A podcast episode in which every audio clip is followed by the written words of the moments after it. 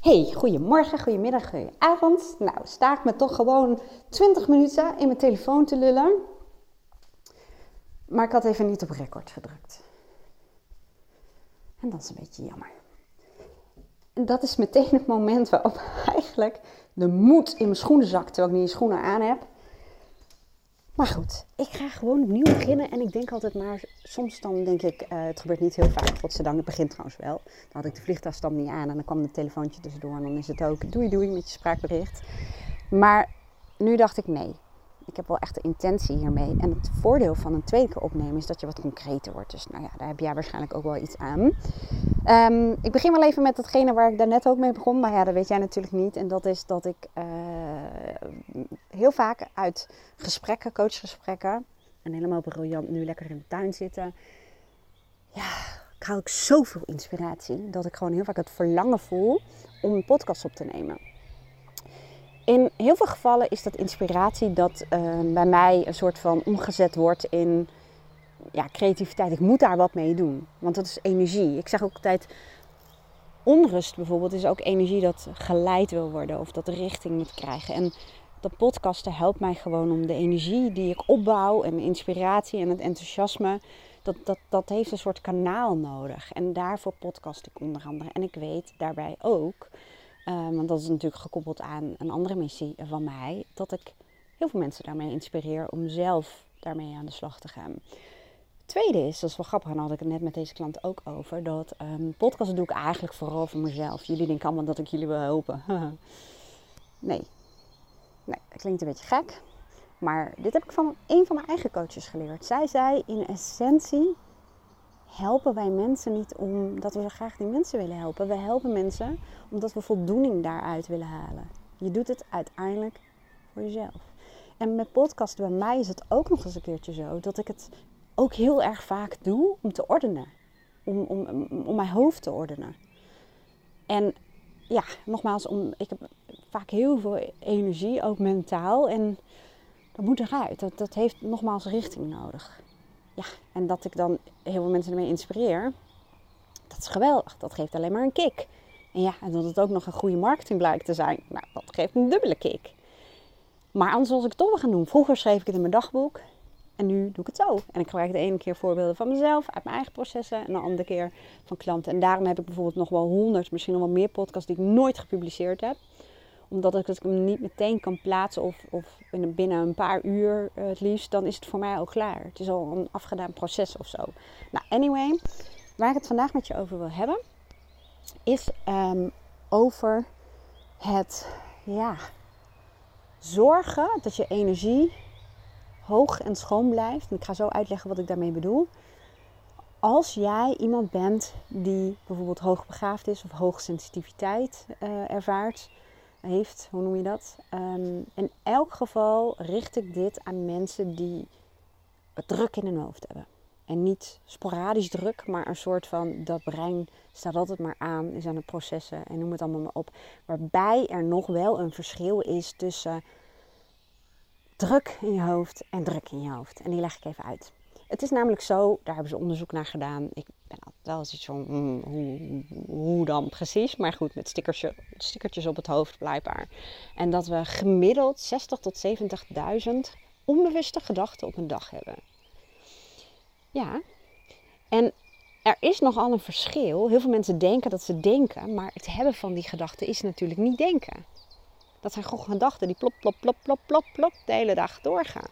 En dat zijn vaak, je, je, je hoort ze soms wel, hè? Je, je, je merkt de innerlijke dialoog wel, maar ja, er is wel een verschil tussen bewuste denkprocessen en onbewuste denkprocessen. Je ziet bij mensen uh, die hoogbegaafd zijn uh, en of hoogsensitiviteit hebben, heel vaak passen die twee bij elkaar. Heel veel mensen denken dat hoogbegaafdheid alleen maar betekent dat je een soort Einstein bent, maar uh, je kunt heel intelligent zijn, zelfs hoog intelligent zijn, maar niet hoogbegaafd zijn. Het heeft namelijk vooral te maken met de werking van jouw brein en juist een hele rijke gevoelswereld. En juist een hele hoge sensitiviteit. En daar gaat ook vaak, vooral in jeugd tot een zekere leeftijd in de volwassenheid, vaak afhankelijk van hoe het begeleid wordt, um, gaat het ook vaak mis. dan, dan, dan wringt het en dan voel je je anders. En dan is het best wel worstelen. Gewoon worstelen op allerlei manieren. Daar kom ik ook een ander keertje nog wel even op terug. En, en, en het is mooi als mensen een soort klik maken, waardoor ze het als een kapitaal gaan zien. En waarin ze ook die twee dingen, het hoofd en het gevoel, hè, of intuïtie hoe het wil noemen, uh, met elkaar laten uh, samenwerken. Nou, vandaag had ik het met de klanten over waar ik al vanaf het begin af aan een klik mee had. Uh, hoe je, want het zegt op mijn hoofd is volgens wel altijd te snel. Ik ga vol gas en meteen duik ik helemaal ergens in. Ja, en dan komen momenten dat er gewoon error is. Dan is het onrust, dan, dan is de buffer volgelopen. Hoe krijg je dat ding weer leeg? En wat je nu vaak ziet, ik noem dat het intervalleven. Ik leid ook altijd in de intervalleven. En uh, ik illustreer dat met een soort grafiek waarbij er een stijgende, scherpe lijn omhoog is. Um, en dat gaat richting het pieken, pieken, pieken, pieken, pieken. Richting het maximale. Want dat had ik ook heel erg. Als ik geproefd had aan het maximale, of enigszins ook maar voelde dat er een maximaal iets was om naartoe te gaan, dan moest dat ook. Dan nam ik niet meer genoegen met minder. Prima, zou je denken. Alleen vaak als je dus piek, piek, piek, hè, interval, dat ken je vast wel, sprinten keihard. Maar um, als je dat continu maar doet mentaal, dan heb je vaak ook een hele diepgaande, hoe zeg je dat? Was tegenover van stijgende naar neerwaartse lijn naar beneden. Als je dat illustreert. En dat is dan je crash moment. Herstellen, crash. En die is vaak dan ook lang.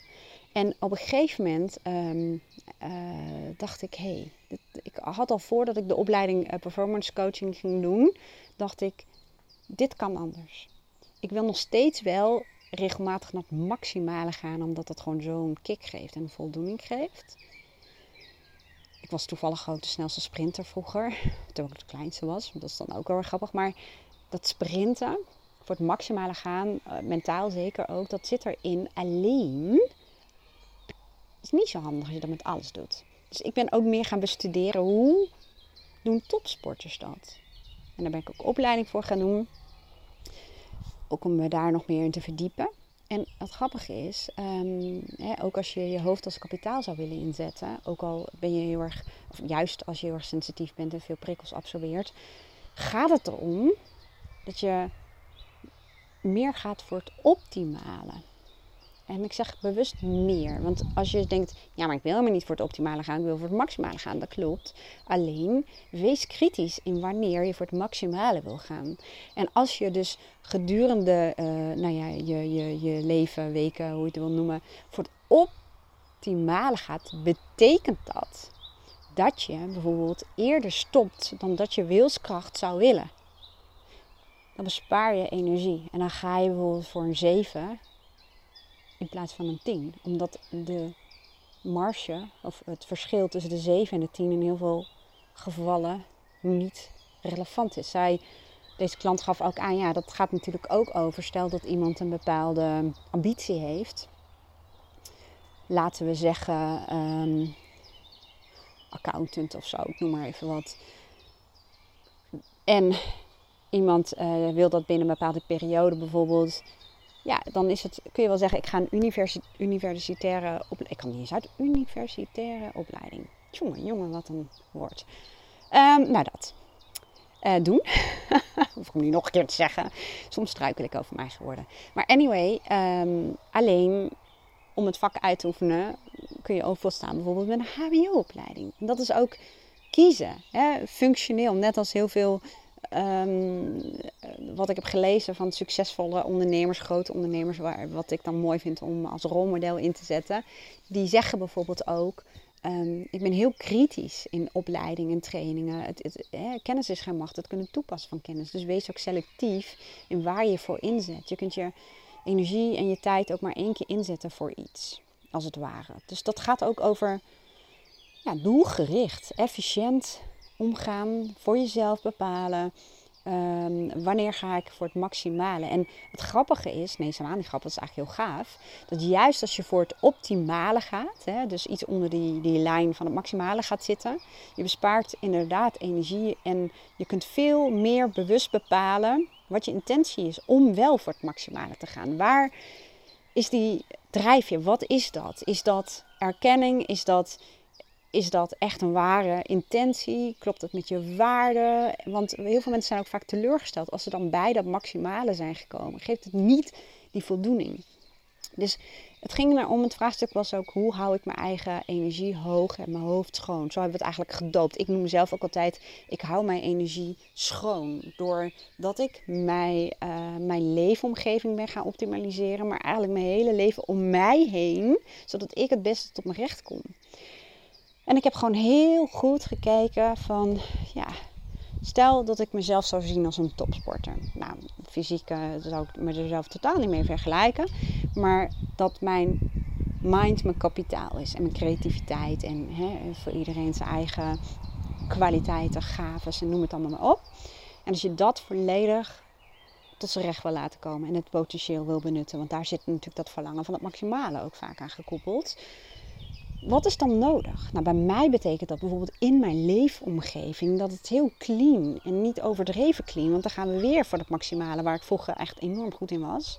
Elke dag uh, van alles helemaal schoonmaken tot in het perfectionisme, maar het voegt geen ene ruk toe. Het, het kost veel energie, dat is dus niet optimaliseren. Ja, dat is ook het woord optimaal, besef ik nu in één keer. Maar Um, door uh, een, een, rustig opgeruimd, functioneel huis. Met wel dingen waar ik van hou. En als waar ik van hou, maar wel wat mij dient. En uh, in mijn praktijk heb ik bijvoorbeeld veel meer uh, dingen, accessoires. Maar dat dient mij in de zin van het prikkelt mijn creativiteit. En in mijn woonkamer, in slaapkamer is juist ja, veel cleaner, zullen we maar zeggen. Dat helpt. Opgeruimd. Mijn mailbox opgeruimd. Um, mijn appbox wordt steeds opgeruimder, uh, mijn computer opgeruimd, geordend. Um, maar allemaal wel optimaal, niet maximaal doorslaan, want dan wordt het bijna obsessief. Nou, daar ben ik ook zeker niet onbekend mee, uh, zeker vroeger niet. En dan dient dat jou. En dat geldt ook voor mentaal. Hè? Als je ook uh, veel prikkels absorbeert, HSP, HSB, HB, of allebei, maakt niet uit.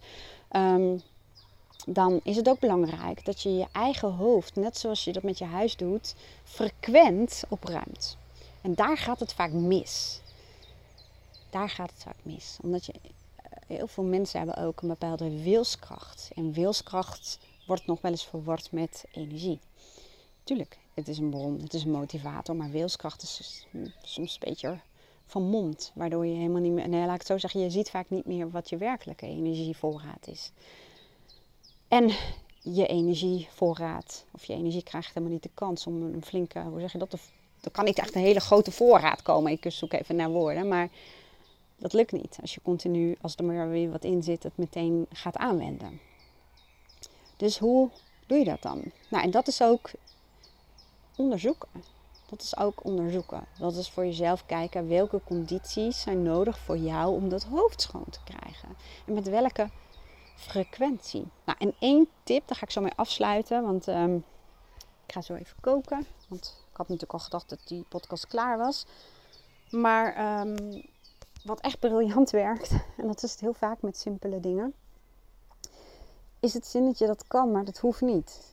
Want als je heel erg veel uh, denkt, hè, associatief brein hebt, en überhaupt geldt het denk ik wel voor iedereen, dan is het ook zo dat je in heel veel mogelijke scenario's gaat denken en dingen wil verklaren, analyseren, begrijpen, om te kunnen anticiperen en bla bla bla.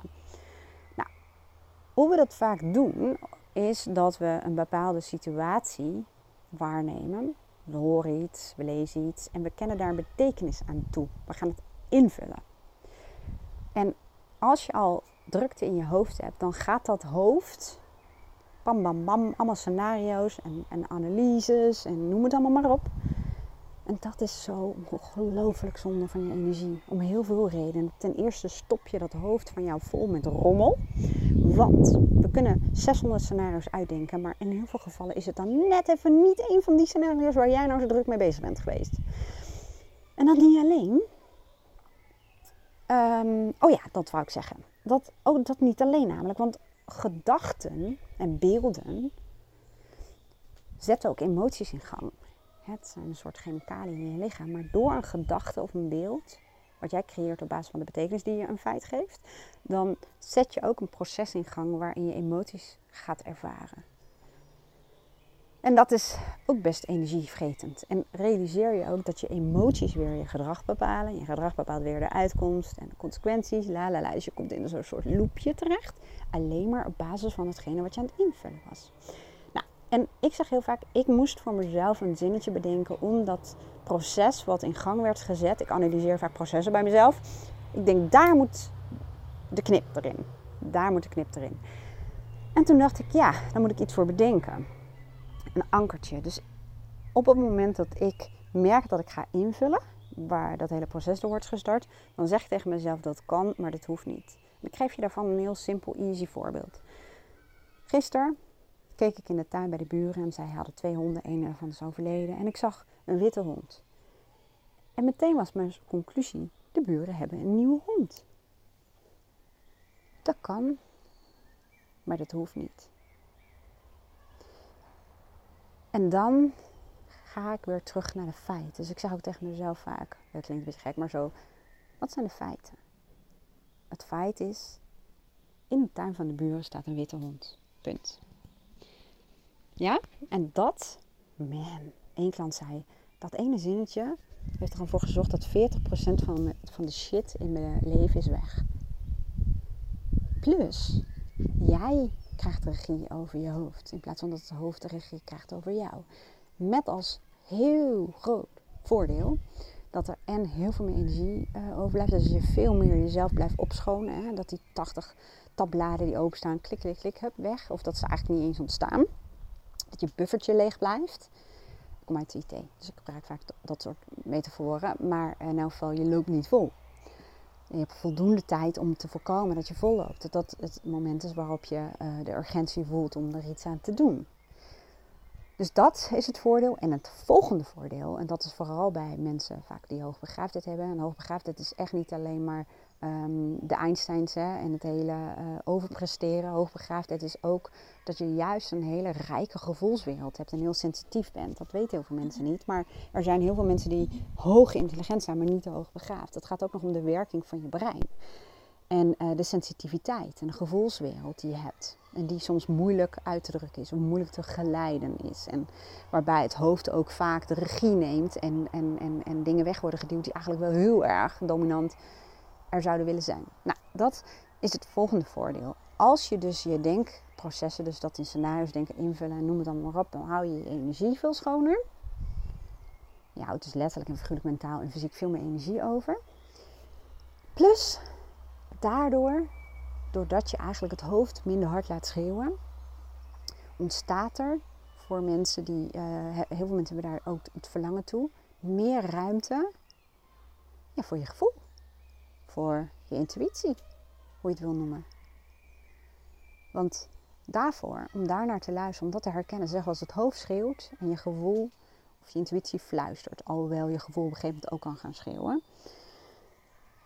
En daarvoor heb je toch wel wat leeg, nou niet leegte, dat kan helemaal niet, maar wel meer stilte, rust in je hoofd nodig, om daar meer mee in contact te zijn. Nou, even de clue als je bij jezelf ervaart dat jij ook gewoon een hartstikke druk brein hebt. Ik zeg wel, het is een circus wat gewoon helemaal geen pauze heeft. Dat ervaar ik nu niet meer zo hoor. Door dit soort dingen juist. Dan helpt het enorm om voor jezelf na te gaan hoe jij ja, op een frequente manier, wat is dan die frequentie per dag, meerdere keren, dat hoofd van jou schoon kunt houden. En dat gaat niet alleen maar over het achteraf opruimen, maar ook hoe kun je zorgen dat het niet zo'n zonnetje wordt, zo'n drukte wordt. Dus dat is gewoon, ja, in mijn beleving best wel heel erg uh, belangrijk. En daardoor zie je mensen echt gigantisch opbloeien. Ja, ook bij deze klant, en dat is ook weer heel gaaf om te zien, dat vind ik ook wat gave bij veel hoogbegaafde mensen, dat Um, ik vertel haar het zinnetje en, en, bij haar is een soort klik. Dan is het bijna al meteen, of eigenlijk al meteen verankerd als een nieuwe gewoonte. Normaal heeft dat tijd nodig. Alleen sommige mensen kunnen mentaal dat al oefenen in heel korte tijd, waardoor het al uh, ingesleten is. Hè, ze was het aan het toepassen op dingen uit het verleden. En ze nam maar daar even mee in de heden. En klik, het is net alsof ze klik zegt en het is geleerd. En dat is het gave, maar dat is ook zoek voor jou wat jou helpt. En als je hiermee rondloopt, dan ja, uh, zoek mensen om je heen. Um, of laat je coachen. Of nou, whatever. Maar leer jezelf kennen. En dat is ook vaak, uh, nogmaals, uh, mensen met een druk hoofd, omdat er veel automatische gedachten zijn, is nog echt wel even wat anders dan mensen met HSP of HB. En het nou ja, na- en voordeel van die laatste is ook dat er vaak veel minder mensen in je omgeving zijn die snappen hoe jouw brein werkt. Omdat dat bij hun ook zo is. Die op een, een of andere manier kunnen connecten met jou, daar waar jij bent. Want vaak zie je dat die mensen juist heel erg hebben geleerd om zich te conformeren. En het zelfbeeld ontstaat uit feedback door je omgeving. Maar als jouw brein anders werkt en het gros van de mensen om jou heen heeft een anders werkend brein, dan kom je heel vaak tot de conclusie: ik ben anders. En dat niet alleen, heel vaak in ons ontstaat dan ook: ik ben niet goed genoeg.